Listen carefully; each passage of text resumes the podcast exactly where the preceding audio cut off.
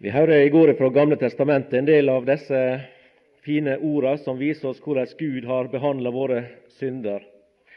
Og Vi finner også i Det nye testamentet flere ord som forsikrer oss om Guds tilgivelse, oss som har tatt vår tilflukt til den Herre Jesus Kristus.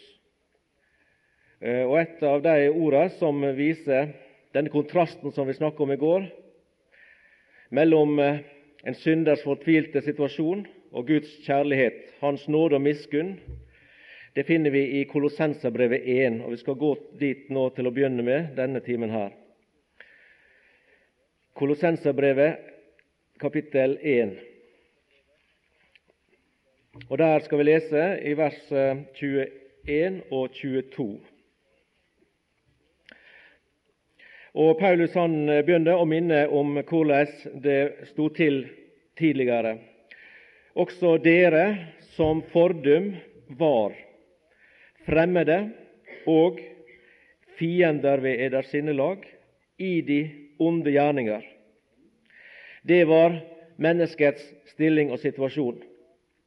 Han minner her om de i Kolossé og viser til deres tidligere hedenske liv, da de levde uten den Herre Jesus. Da var de fremmede, de var fremme for evangeliet og ukjent med Gud. Og de var på grunn av sitt sinnelag Guds fiende. Og de levde i de onde gjerninger. Det er litt av en attest som eh, en får her. Og så kommer da det neste verset. Dere har han nå forlikt i hans jordiske legeme ved døden, for å framstille dere hellige og ulastelige og ustraffelige for sitt åsyn. Før fremmede fiender i sitt sinnelag levde i de onde gjerningene, har opplevd et under i sitt liv, slik at nå blir de regna for Gud som hellige ulastelige og ustraffelige. Og Det er kanskje ikke den måten du og jeg til vanlig eh, nær sagt våger å tenke oss i vårt forhold til Gud. At Gud virkelig skal se deg og meg som hellige, som ulastelige, vi som hele tida, dag og natt, nær sagt, føler på vår skrøpelighet, føler på våre svakheter, på alt det som henger ved oss, som Hebreabrevet sier. Synder som henger så fast ved oss. Og vi føler på dette til enhver tid, og så skal vi få tro dette at Gud han ser oss som sine hellige og ulastelige og ustraffelig. Ustraffelig, uten straff, uten skyld. Hvis vi tenker oss at vi heller eh, burde se oss inn i Guds rettssal, og der eh, retten er satt og, og dommen blir gitt, og dommen er skyldig. Hvis vi tenker slik, da lever vi ikke i nåden. Fordi at det, Hvis du og jeg har mottatt Guds frelsesgave i den Herre Jesus Kristus, så er vi flytta over ifra den måten å ha vårt forhold til Gud på. Da er vi ikke lenger skyldige, vi er ikke henstilt til straff, men vi blir regna for ustraffelige. Det er den som lever uten Gud, som lever borte fra Jesus, som lever med skulder hengende over seg og med Guds vrede over sitt liv, sånn som eh, Johannes beskriver det i kapittel 3 i evangeliet, vers 36. Johannes 3, 36. Den som tror på Sønnen, har evig liv. Men den som ikke vil tro på Sønnen, skal ikke se livet, men Guds vrede blir over ham. Guds vrede blir over ham. Det som får Guds vrede bort fra et menneske, det er å bli frelst og ta imot den Herre Jesus Kristus og få del i Hans frelsesverk. Flytte inn i det Han gjorde på Golgata, da Han sonte vår synd, betalte vår gjeld. da blir vi av Gud regna som ustraffelige. Da lar Han våre synder være så langt ifra oss som øst er fra vest, som vi hørte om i går. Da får vi leve i erkjennelsen av at Gud har kasta våre synder bak sin rygg. At Han har kasta dem i havets djup. At Han har utsletta dem ifra sine journaler, fra sine arkiv, fra sine bøker. Han har sletta dem ut så grundig og fullstendig at han aldri mer vil komme dem i hu. Da er vi i hans øyne hellige, ulastelige og ustraffelige. Er du og jeg villig til å tru denne vidunderlige sannheten? Er du og jeg villig til å leve i erkjennelsen av at dette er sant og gjelder oss? Leve i den dag for dag? At vi er frelst av nåde, og at vi hver dag i vårt liv lever i og av og ved nåden. Vi hører det ordet sitert i eh, formiddag, Johannes 10, 10, der Jesus snakker om seg sjøl i forhold til tyven som kommer bare for å stjele, myrde og ødelegge. Så sier han om seg sjøl at 'jeg er kommet for at de skal ha liv og ha overflod. Dette folket som vi hører om, som hadde vandra i 40 år i ørkenen, de kunne ha vandra rett inn i et land fylt av melk og honning. I stedet for ble det ørkenvandring i 40 år. Gud vil ikke bare gi oss liv, evig liv, men han vil fylle vårt liv med alt det han har å gi slik at vi ikke bare lever, men vi har overflod av liv. At vi ikke bare veit oss frelst, hvor rikt det enn er, men at vi også erfarer i vårt daglige troesliv Guds fred og Guds livets gleder i hverdagen. At du lever i denne erkjennelsen at det er nåde hele veien.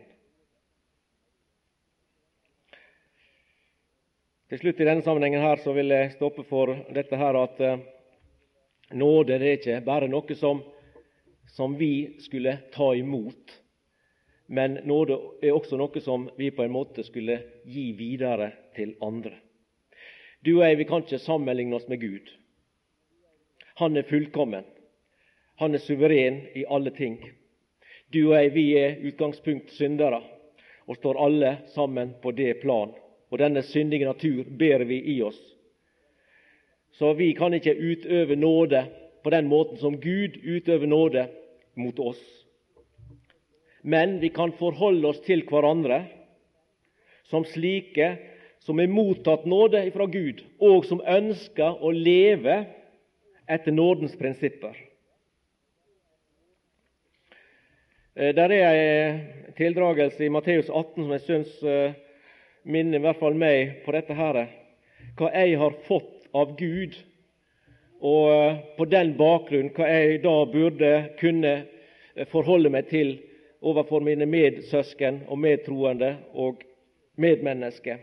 I Matteus kapittel 18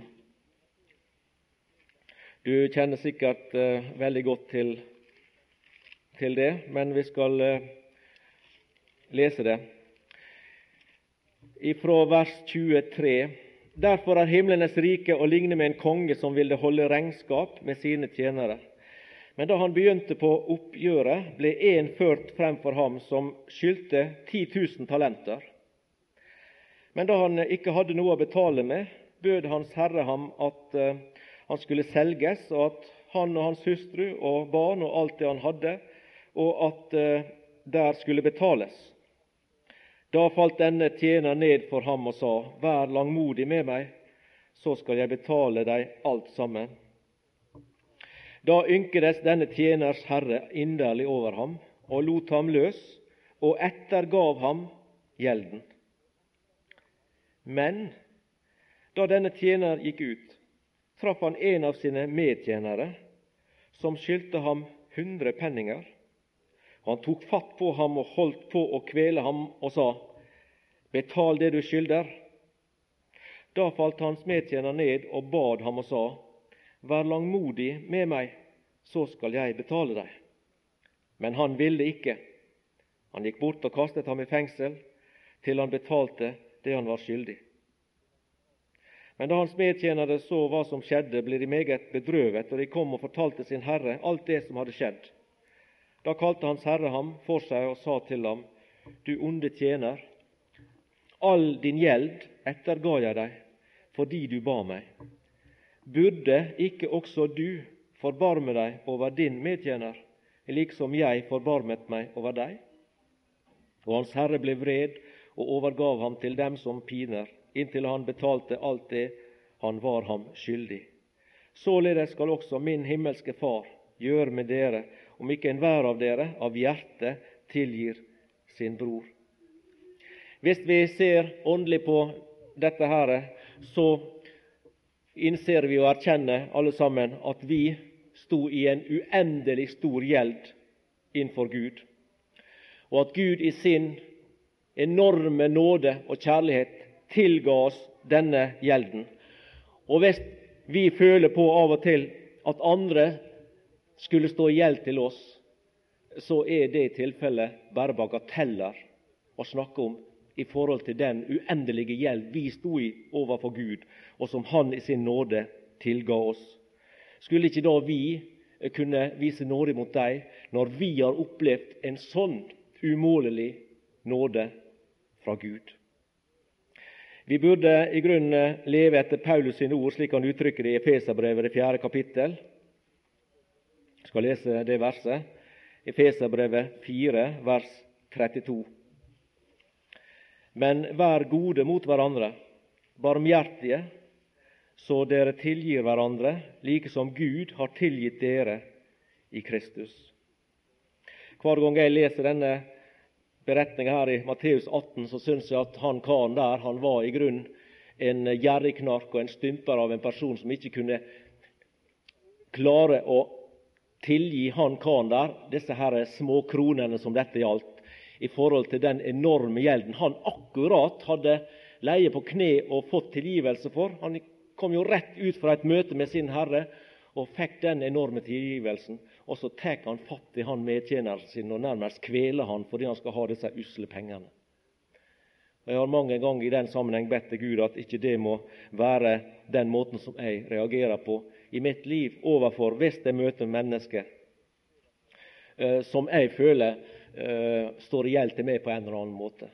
Men at eh, vårt sinnelag, dette Kristi sinn eh, som eh, bor i oss, at det skulle vise seg i praksis, sånn som Paulus her uttrykker det i Feserbrevet, om at vi er gode mot hverandre, barmhjertige, så vi tilgir hverandre slik Gud har tilgitt oss i Kristus.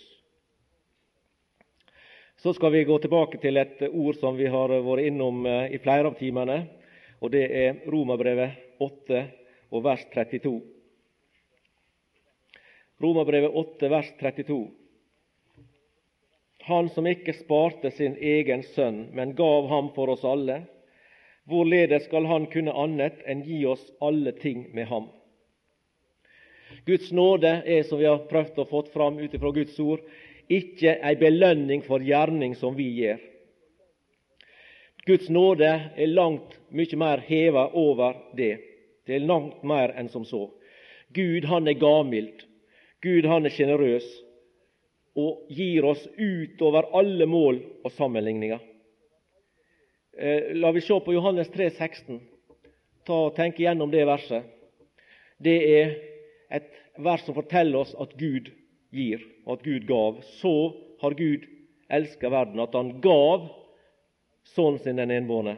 Han gav sønnen sin den enbårne, for at hver den som tror på Han, ikke skal fortapes, men ha evig liv.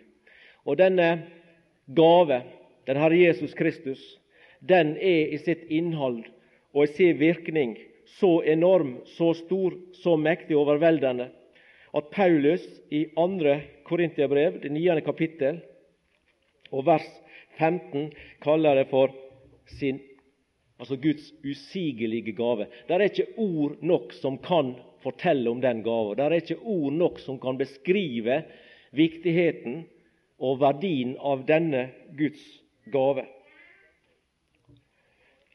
I vers 14 så sier han til det at eh, de med bønn for dere lenges etter dere på grunn av den Guds nåde som er så overvettes rik over dere. De opplevde en nåde fra Gud som var overvettes rik. Og slik er Guds nåde også over våre liv. Når vi tenker på det, hva Gud har velsigna oss med, både timla, materielt og åndelig, så er det en overvettes rik nåde som du og jeg får oppleve i våre liv hver dag. Og Den har sin bakgrunn i denne gave som Gud ga sin enbårne sønn, den Herre Jesus Kristus. Og den har som sagt i sitt innhold, i, sitt, i sin viktighet og hva den betyr, så er det umulig å beskrive den. den er, det er en usigelig gave. Og Denne gave fra Gud den gjelder ikke bare frelse og det å rive et menneske ut av verden og inn i, inn i Guds familie. Det å, å sette et menneske over fra døden til livet. Den gjelder mer enn det. Den gjelder alle våre behov gjennom hele vårt liv. Den dekker all vår trang i Kristus Jesus som et Guds barn. Eh, dette at alle ting Det er egentlig vel bare Gud som veit eh, hva som ligger i det uttrykket, men han veit det. Hvorledes skal han da kunne annet enn gi oss alle ting med ham, altså med Sønnen? Alle ting. Så vi har alle ting med ham. Alt vi trenger. Som Peter sier, han har gitt oss alt som vi trenger til liv og Guds frykt. Det er ingenting som du og jeg skal lide nød i, som ikke Gud har, kan tilfredsstille og, og tilfredsstille våre behov. Gud han demonstrerte til fulle sin gavmildhet på korset, der Jesus ble gitt for våre overtredelser, der han ble knust for våre misgjerninger, der straffa ble lagt på han for at vi skulle ha fred. Og som Peter sier, han, en rettferdig for urettferdige, han døde der på korset. Han led døden i kjøtet for å føre oss frem til Gud.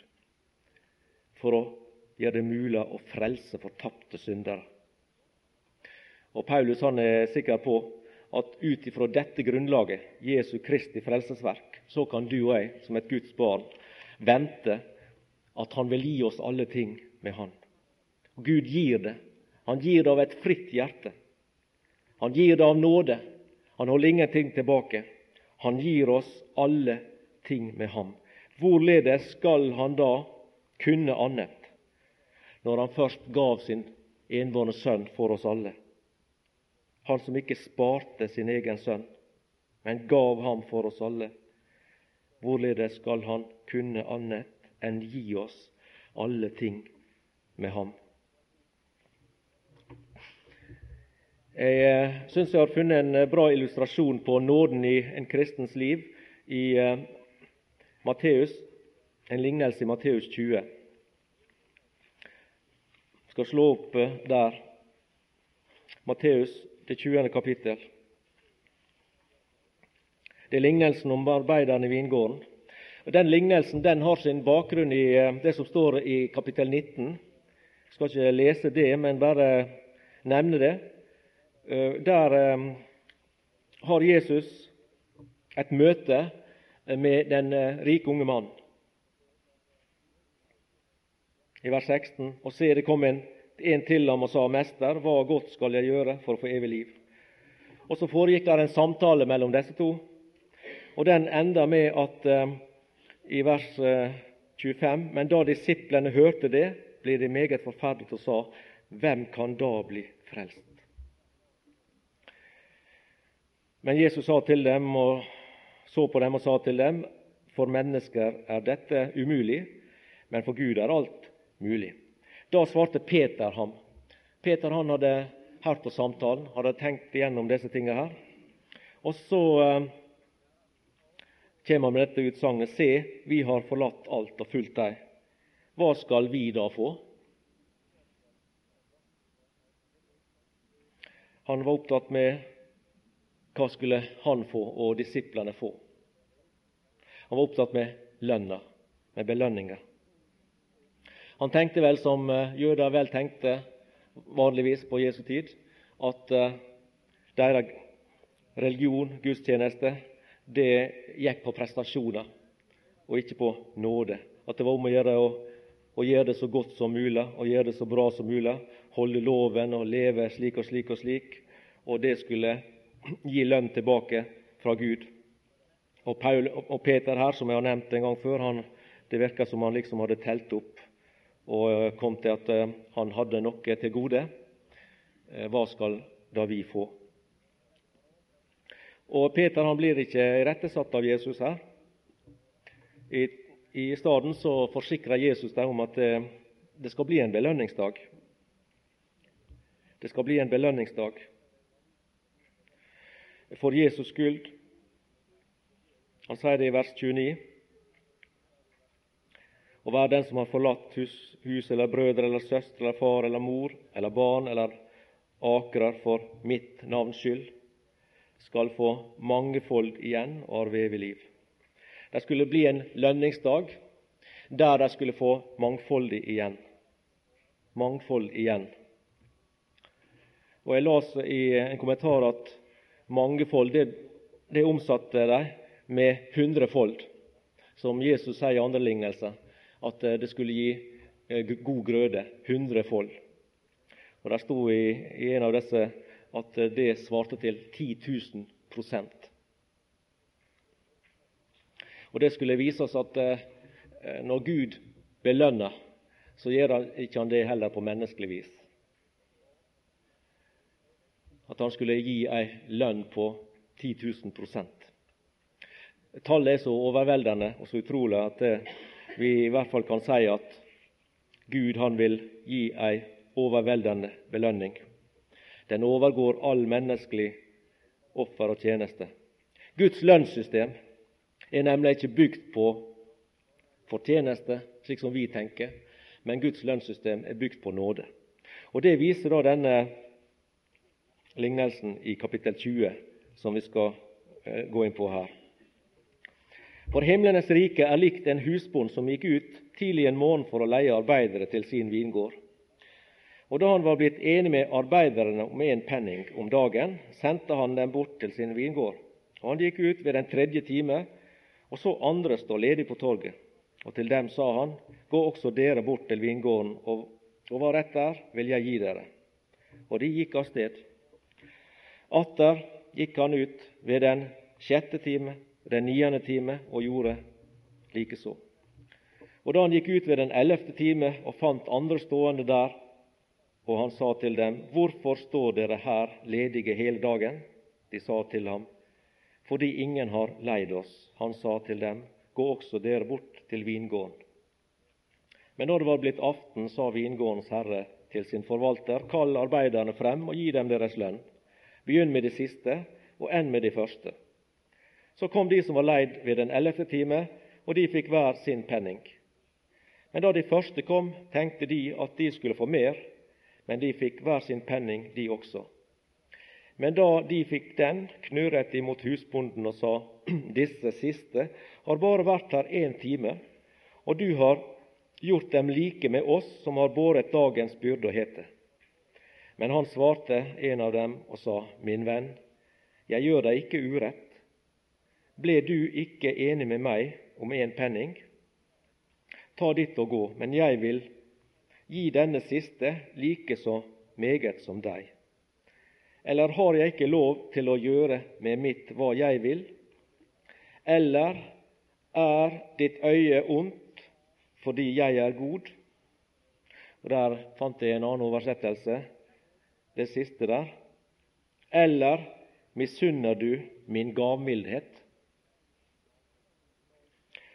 Eller har jeg ikke lov til å gjøre med mitt hva jeg vil?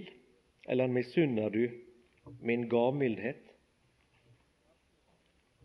Denne husbonden som vi leser om her, det er et bilde på Gud. Og Det var en nådefull og en gavmild mann, denne husbonden her. Han var like interessert i arbeiderne sitt ve og vel som han var interessert i vingården. Og Arbeiderne de levde på denne tid, gjerne fra dag til dag. De var dagsarbeidere. De stilte seg på torget om morgenen og venta på at noen skulle komme og hyre dem, slik at de kunne få tjent mm, penger, så de kunne klare å brødfø eh, sin familie fra dag til dag. Vi leser om det i 5. Eh, Mosebok, det 24. kapittel og vers 15.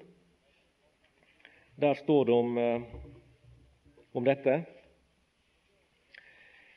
På dagen skal du gi ham hans lønn, og før solen går ned, for han er fattig og stunder etter sin lønn. De hadde ikke slike faste ordninger som de fleste av oss gjerne har i, at vi kan gå til arbeid dag etter dag på samme arbeidsplass og vite at arbeidsplassen vår den er der i morgen også. Disse her, de stilte seg eh, og venta at noen skulle komme og hyre dem. Og Han gikk ut her tidlig om morgenen, står det, for å leie arbeiderne til sin vigård. Og Han ble enige med dem om én penning om dagen som dagslønn, og så begynte de å arbeide. Og Så gikk han etter noen timer og fikk tak i noen nye, og slik holdt han på utover dagen slik at de siste han hyrte, de fikk arbeid den ellevte timen. Og Når han så skulle eh, gi lønn til disse, så ga han alle like mye. Og Det forteller oss at denne arbeidsgiveren her, han ga lønn ikke etter arbeidstid, men han ga lønn etter arbeiderne sine behov for de pengene de trengte for å skaffe mat til familien sin. Altså Han ga dem penger etter det behovet de hadde for å brødfø familien sin en dag. Han ga lønn etter behov, ikke etter arbeid. Han ga lønn etter nåde. Det var nåden som regjerte her hos denne husbonden, ikke gjerning. Han leide dem, ikke fordi han trengte dem, men mest fordi de trengte han. Og Slik er det med vårt forhold til Gud også. Han kaller oss inn i sitt frelsesverk, og han kaller oss til tjeneste i sin vingård. Ikke fordi han trenger oss, i og for seg, men fordi vi trenger han. Og hans belønning for vår tjeneste, den vil være mangfoldig. Den vil være hundrefold. Den vil være overveldende, slik som Jesus her sa til Peter. Slik at også i denne sammenheng så ser du at det er nåde hele veien. Nåde at han fant meg, nåde at han vant meg, nåde at han bar meg til sin fold.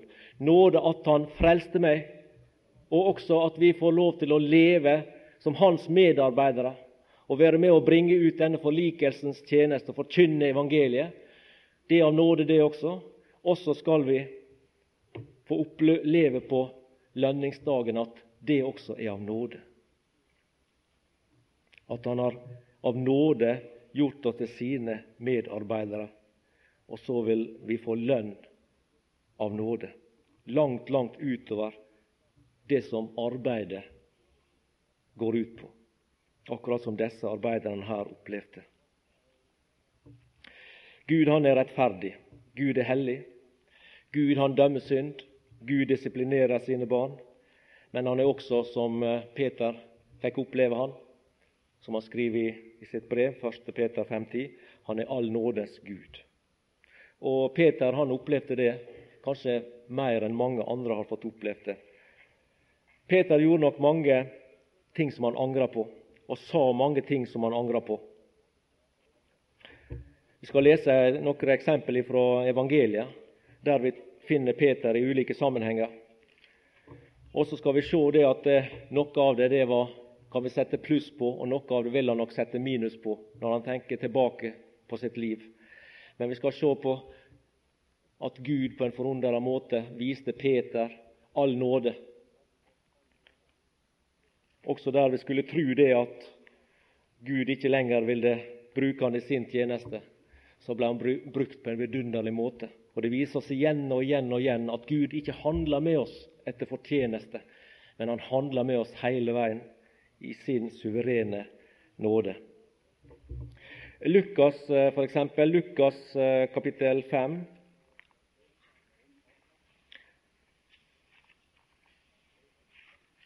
Lukas 5, 4-6.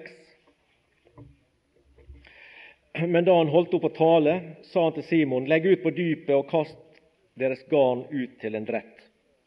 Og, Pet og Simon svarte Mester, vi har strevet hele natten og ikke fått noe. I dette uttrykket her så føler vi liksom at uh, han har ikke noe særlig tro på dette.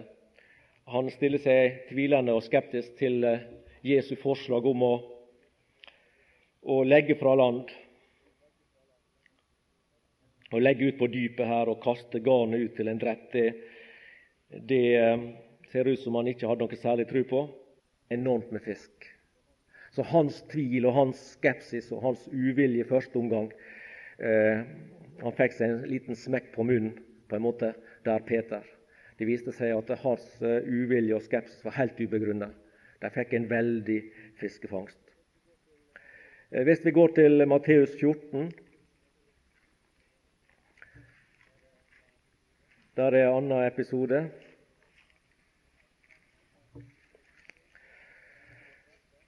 «29 og 30, der har vi Peter. Han sier i vers 28 at Herre, er det deg, da byd meg komme til deg på vannet.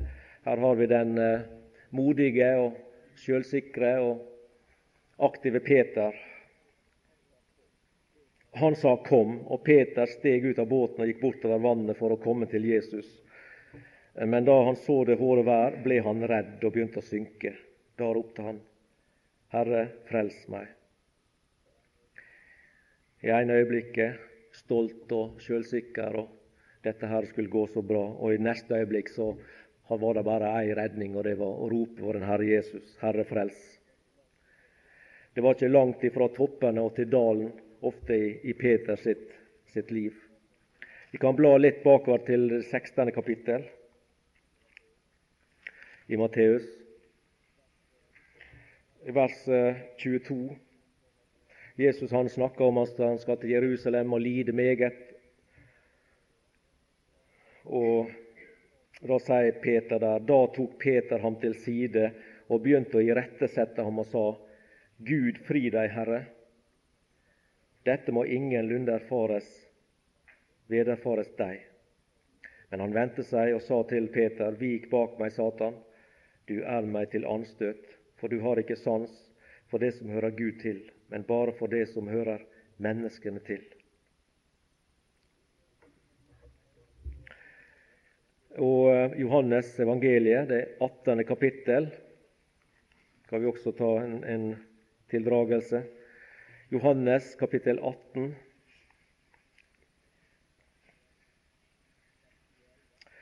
Vers 10 og 11. Getsemane. Simon Peter hadde et sverd, og han drog ut og slo til yppersteprestens tjener og hugg det høyre øret av ham. Tjeneren hette Malkus. Jesus sa da til Peter, stikk sverdet i skjeden. Skal jeg ikke drikke den kalk min far har gitt meg?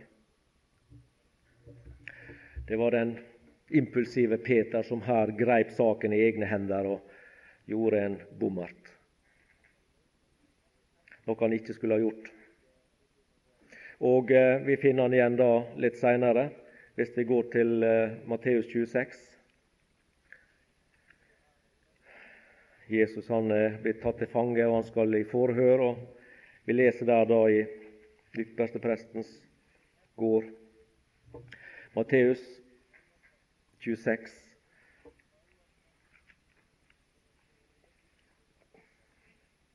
Ja, Der står først i vers 35.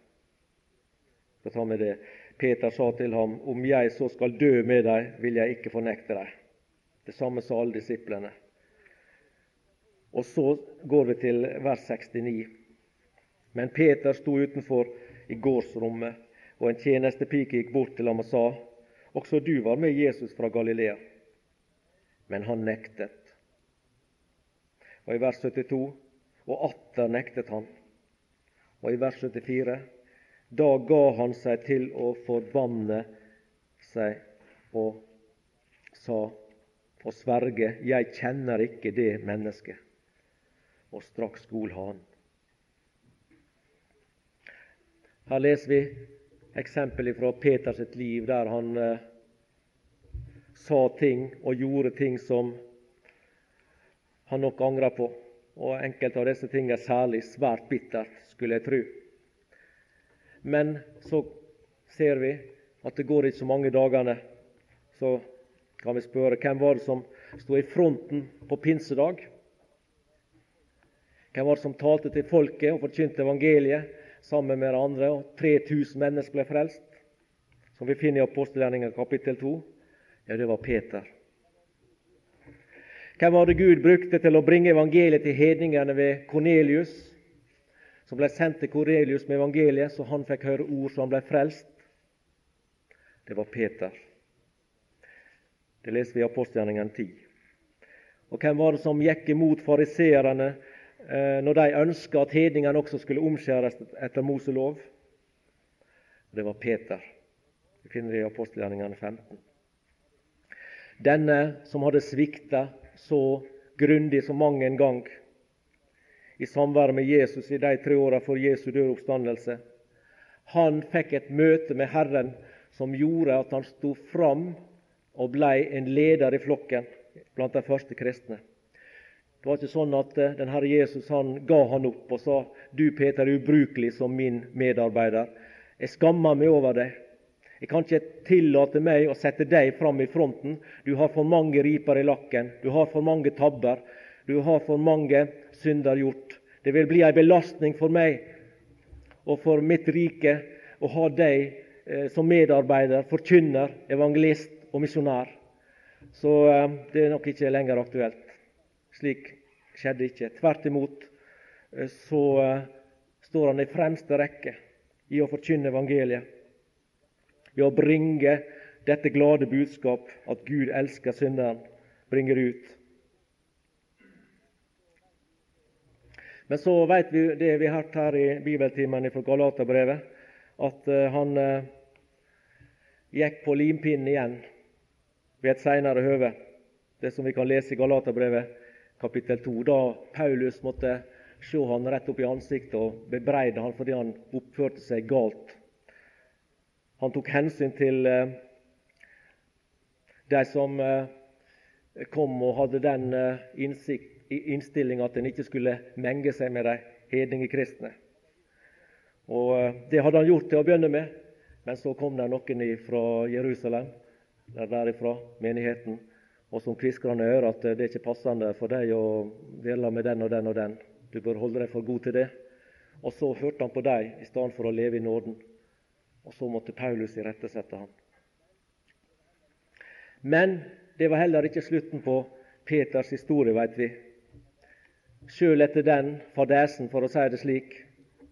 Den kan godt hende du og jeg hadde gått i akkurat samme om vi hadde vært i hans sko. Men i hvert fall så stopper ikke historia der. Gud han velger Peter ut til å skrive to herlige brev i Det nye testamentet. Og Når vi tenker på denne hans livshistorie, er det da rart at han, inspirert av Den hellige ånd, beskriver Gud som all nådes Gud? Det var det Peter hadde fått oppleve i sitt liv. Gud som all nådes Gud, som behandler han i nåde, uansett hvordan Peter behandler Kristus, for å si det på den måten. Alle de tabbene han gjorde, alle de syndene han falt i, alle de tingene han snubla i og gjorde galt. Han fikk tilgivelse, han levde i syndens forlatelse og i Guds nåde.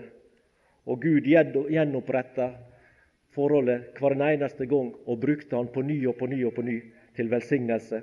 Og alle kristne i dag som har en har Det nye testamentet, de nyter godt av de to brev som Peter skrev, inspirert av Den hellige ånd.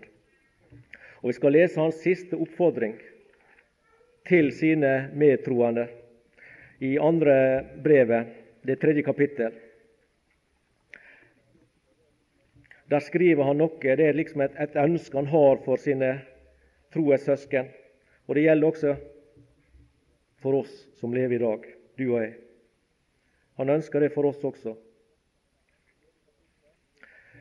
Tredje kapittel og 18. vers, men jeg leser første linje i 17. Så må da dere, elskede, vokse i nåde og kjennskap til vår Herre og Frelser Jesus Kristus. Ham være æren både nå og til evig tid. Amen. Slik avslutter han sitt siste brev med et ønske og en bønn om at den enkelte troende må vokse i nåde og kjennskap til vår Herre og Frelser Jesus Kristus.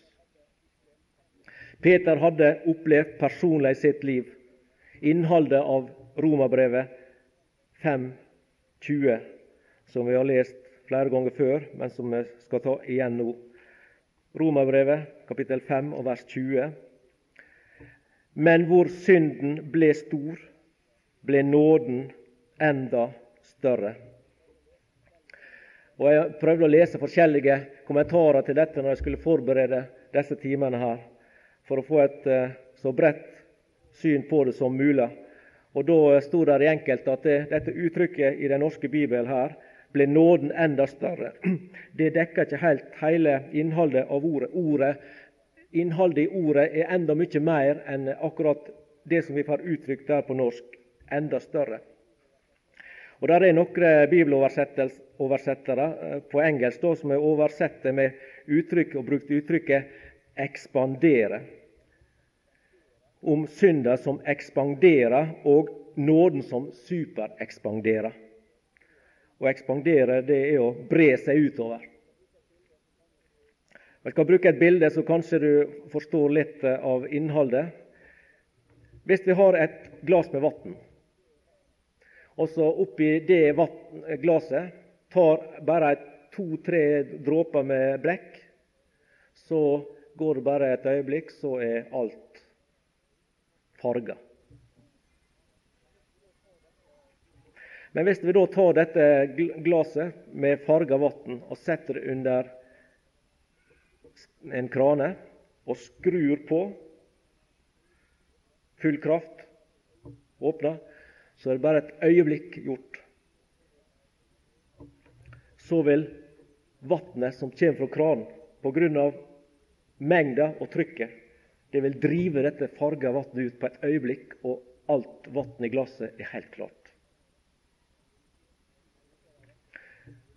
Slik bruker de dette som bilde på at blekket, disse to-tre dråpene, det ekspanderte i vannet.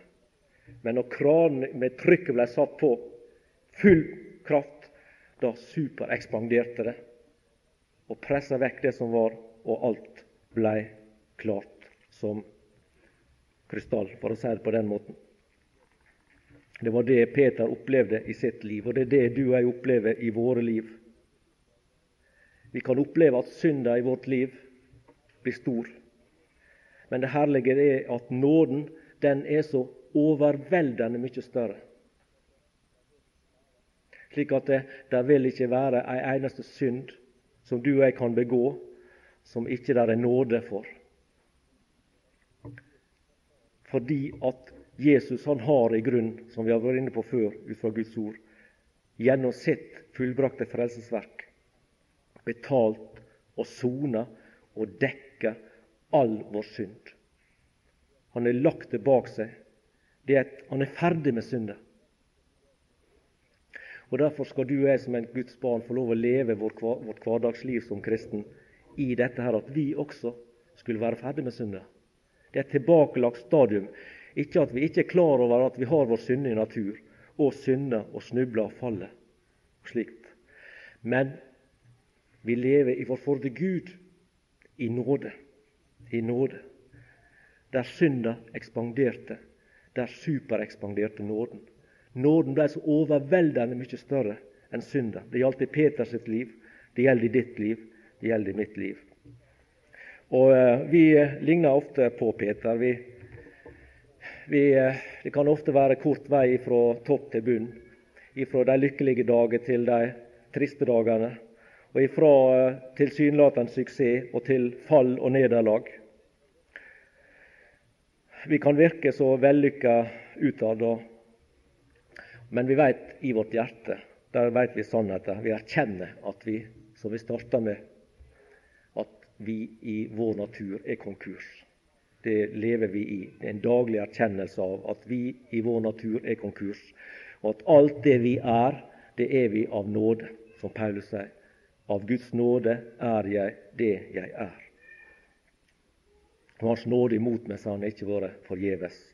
Og det kan du og jeg også si. Hans nåde imot oss har ikke vært forgjeves. Tenk at Han greip tak i oss i unge år, i eldre år, i barneår, når tid som helst. Så frelste Han oss, og så har Han bevart oss dag for dag i ei verden som er vond og vanskelig på mange måter. Og det er utrolig at et menneske blir bevart med all den motstand som fins, med all Satans list, med åndsmakten i himmelrommet alle disse tingene som virker mot oss, så er det bare Guds nåde og kjærlighet og Hans allmakt som kan evne å berge en synder fra himmelen, frelse og bevare og herliggjøre. Du og jeg, vi har våre fall og våre nederlag, akkurat slik som Peter. Vi har det sånn som vi synger en sang, at vi snubla og falt mang en gang, og veien var ofte stenet og trang. Men da er det godt å kjenne og leve i, å kjenne og eie den Gud. Og kalle Han min Gud, som vi hører på et møte tidligere i denne veka. For å kunne si Han er min Gud, som er all nådes Gud. Ja, jeg vil takke deg, Herre Jesus, for min del at eh, du møtte meg med nåde. Nåde at du fant meg, nåde at du vant meg nåde at du bar meg hjem til deg. Så får jeg tru, leve i vissheten om Herre, at jeg allerede er i himmelen, satt i himmelen i Kristus. Og så skal vi snart møtes, dine kjære som er her, og du, vår kjære som er der, til et herlig møte i luften. Da heile di brud, din forløste skare, skal samles og få sjå det som du er bli det lik og få prise deg med ei løyste tunge. Takke deg for Golgata. Takke deg for oppstandelsen. Takke deg for ditt himmelske liv. Takke deg for herliggjørelsen. Takke deg for all den nåde som du har vist imot oss fra først til sist. Det er nåde over nåde. Av nåde alt jeg får fra Gud fra først til sist. Så jeg takker deg for denne veka, Herre. Takk for min del. Takk for det vi har fått lytta til ifra ditt ord. De ulike sider ved sannheten har velsigna mitt hjerte. Oppmuntra, trøsta, formant og, og forhåpentligvis, Herre, det med bønn at den skulle virke slik at det blir forandring. At vi blir mer avhengige av deg, at vår kjærlighet til deg vokser seg stadig sterkere og fastere og at du kan i stand gjøre oss, Herre, til å være dine vitner i hverdagen, hver på vår plass. Så vil jeg også minne deg om de av våre som ikke er frelst. Herre Jesus, kall og drag på deg. Tida den går, og snart så er du her, og nådens tid er slutt. Du frelste oss, Herre. Du er også har både makt og vilje til å frelse deg. Måtte det skje, lykkes. Ta det av de som er nye på veien, hjemme og andre plasser som i disse dager gitt sitt liv til deg, Herre Jesus, at de må få næring for sin sjel og få oppleve eh, velsignelse, oppleve nåde, oppleve brorskap, fellesskap med, med dine, slik at de kjenner seg hjemme i din familie. Velsign oss for resten av dagen. Velsign møtet i dag og i morgen formiddag, Herre. La alt bli til din ære. Amen.